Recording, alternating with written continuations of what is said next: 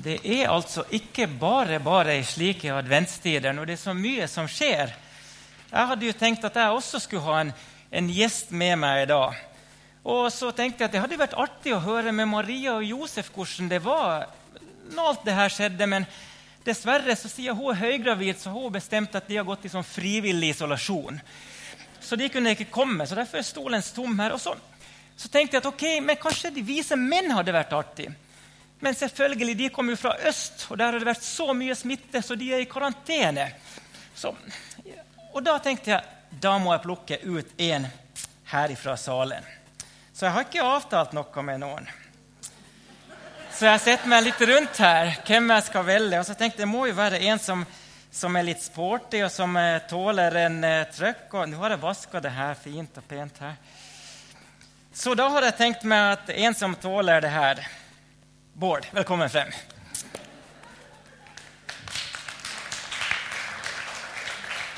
Du skal få lov å sitte der. Vær så god, sitt deg ned. Føl deg som hjemme.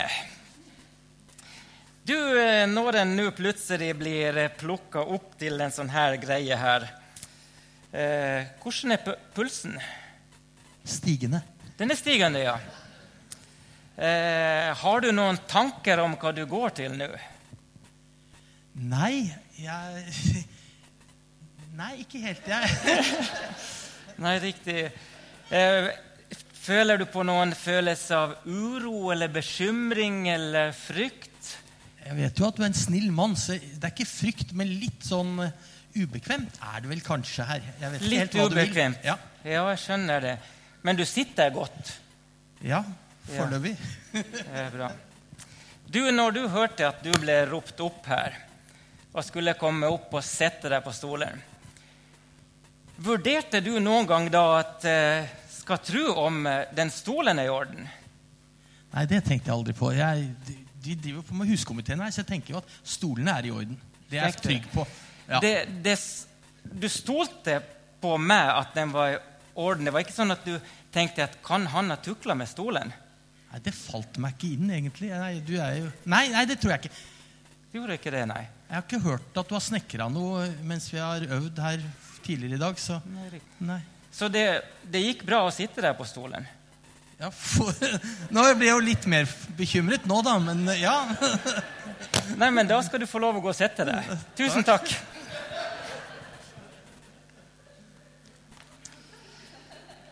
Dere, det er jo sånn med hele jula og alt som handler om det her store underet da Jesus ble født. Alle sanger vi synger, eh, alt vi lytter til, det vi leser, det forteller egentlig om Påminnelsen om at vi kan stole på det som Gud har sagt. Alt rundt historien om Jesus kan spores tilbake, og vi kan se om at et eller annet sted i historien, et eller annet sted i Bibelen, så har Gud sagt det her kommer til å skje. Allerede flere hundre år før Sånn her går det når en ikke har brillene. Der er jo lyst til det grønt. Allerede flere hundre år før Jesus ble født, så fortalte Gud til mennesker som ble kalt profeter, om at dette ville skje. Han ba bl.a. to karer som heter Jesaja og Mika, om å skrive ned om at en dag skal det bli født en som skal være verdens frelser, og han kommer til å bli født i Betlehem, og han kommer til å bli født av en jomfru. Og jeg kan tenke meg at de som hørte det her da, og leste det At de hadde sine tanker skal tro om de har hørt feil nå. Skal tro om de har bomma. Hvis vi hadde fått høre at en dag skal det bli født en verdensfrelser i Gryllefjorden, og kommer å bli født av en jomfru Hånden på hjertet, hvem hadde sagt ja, selvfølgelig skal det skje? Og så vet vi jo at det her, når du har studert, det her skjedde 700 år før Jesus ble født. Det er bra lang tid. Og så gikk det alle de her årene. Men så skjedde det fordi Gud hadde sagt det. Når vi synger jula inn som vi gjør i dag, så sier vi på en måte 'velkommen inn' til jula. Vi inviterer jula inn i vår hverdag, i vårt hjem, på arbeidsplassen, i skole, i byen. Vi pynter. Det er stjerner, det er lys, det er krybber, det er engler. Det er hele spekteret av ting som skaper julestemning. Bibelen forteller om en annen som faktisk spør om å sjøl få komme på besøk. En som inviterer seg sjøl. Og det er Jesus. Jesus han sier, 'Se, jeg står for døren og banker.'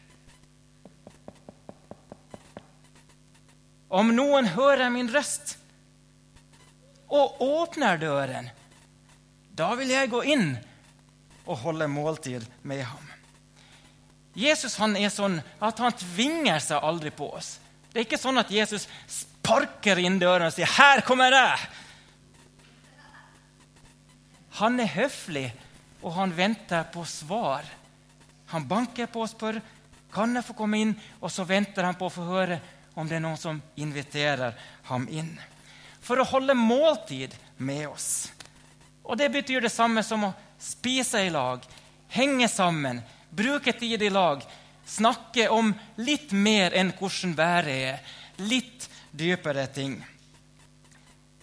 Og når han banker på, så spør han ikke et Har du alt på stell i livet? Har du rydda opp i huset ditt?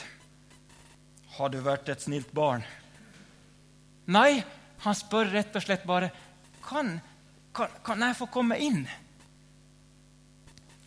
Noen de åpner opp døra med en gang. 'Velkommen inn. Kom inn, Jesus. Kom inn.' Så det andre som er litt sånn eh, Det kanskje føles trygt å ta en prat der ved døra først og liksom finne ut av ting. Og så er det jo også noen som, som sier nei takk. Men om vi slipper Jesus inn, da kan vi stole på at han holder det som han har sagt. Han har bl.a. sagt at 'jeg skal aldri forlate deg og aldri svikte deg. Han sa ikke at livet skulle gå på skinner bestandig, eller at alle vanskeligheter skal løses på et blunk hvis bare han får komme inn og rydde opp i huset.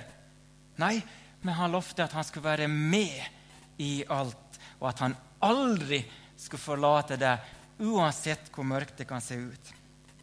Og Videre så forteller Bibelen om Jesus at men alle dem som tok imot ham, dem ga han rett til å bli Guds barn, de som tror på hans navn. La du merke til her i vår prestasjonsbaserte tanke og i vår prestasjonsbaserte verden at her handler det ikke om noe annet enn å slippe Jesus inn, ta imot Jesus. Det er ingen krav eller kvalifikasjoner som du må oppfylle for å kunne ta imot Jesus. Og når vi da slipper Jesus inn og blir et Guds barn, så får vi altså Gud som vår himmelske far. Og da forteller Jesus sånn Min far, sier Jesus. Han er større enn alle, og ingen er i stand til å rive dem ut av min fars hånd. Alle som har levd litt mer enn noen måneder, så de vet at det er mye i livet som kan slås i bakken. Men det er ingen av alle utfordringer vi møter, som kan slå oss ut av Guds hånd. Vi kan bli redde. Vi kan bli bekymra. Vi kan bli helt bunnfortvila. Vi kan føle at vi gir opp. Men uansett motgang i livet så kan det ikke rive oss ut av Guds hender. Der kan vi få ligge når vi har falt, gråte ut, finne trøst, få nytt håp igjen. Uansett hvor usikker eller mørk fremtida kan se ut. Fordi det er én ting i livet som i hvert fall er sikker, og det du kan stole på Gud. Du kan stole på det som han har sagt. Om livet svikter, så har han sagt han skal aldri svikte deg. Han skal aldri forlate deg. Og Uansett av mengde eller omfang eller dybde av harde slag som livet gir deg, så kan ingenting av det rive deg ut av Guds trygge hender. Og også midt i denne adventstida som vi er inne i nå, 2020, så banker Jesus på døra. Han banker hos meg, og han banker hos deg. Og han kjenner til hvordan vi har det i livet. Han vet om vi bare har pynta fasaden og prøver liksom å få det til å se pent ut, men inne så er det totalt kaos, og det har ikke vært rydda på måneder, kanskje år. Men han sier det spiller ingen rolle. Han spør bare kan jeg få komme inn, sier han. Kanskje det er første gangen for noen som noen tenker på Skal Jesus få komme inn? Kanskje for noen andre så er det mer som Ja, du Det var jo en tid siden vi, vi prata sammen. Kanskje vi skulle ta opp tråden igjen? Og kanskje for noen andre igjen så er det sånn at Jesus han har vært der hele tida. Men det har vært så travelt, og det har vært så mye som har skjedd, og så mye som vi har vært opptatt av, at iblant har vi både glemt det og neglisjert det. Men nå, når du og jeg midt i desember lytter til og synger med i alle julesanger som forteller om Jesus, forteller om engler, forteller om krybben, forteller om vise menn, da kan du minne deg på om at du kan stole på det som Gud har sagt. Du kan være trygg på at det blir som han har sagt. Og kanskje nettopp derfor at det blir som Gud har sagt, så kan det også være en grunn for oss å finne ut av hva er det han egentlig har sagt. Skal vi be?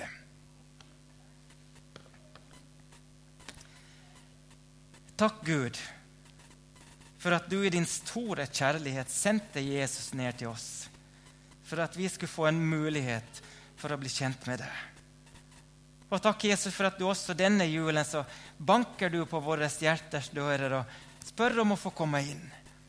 Takk for at vi får åpne opp uten frykt, uten frykt for at du skal kjefte eller være sint på oss eller klage på hvordan ting er.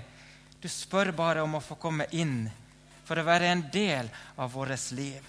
For å være en støtte, for å være en hjelp, for å være en trøst. For å løfte vårt liv. Gud, jeg ber om din velsignelse over hver enkelt som er her i dag. Du ser vårt liv, du ser hvordan vi har det innerst inne i våre hjerter. Jeg ber om din velsignelse. Jeg ber at du skal være nær.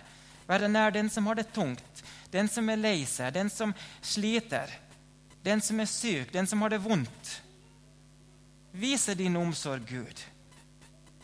Og la hver enkelt få oppleve at julefred det er ikke noe vi bare synger om og snakker om, men det er noe som vi kan få kjenne sammen med deg midt i en urolig verden. Takk for det, Jesus. Amen.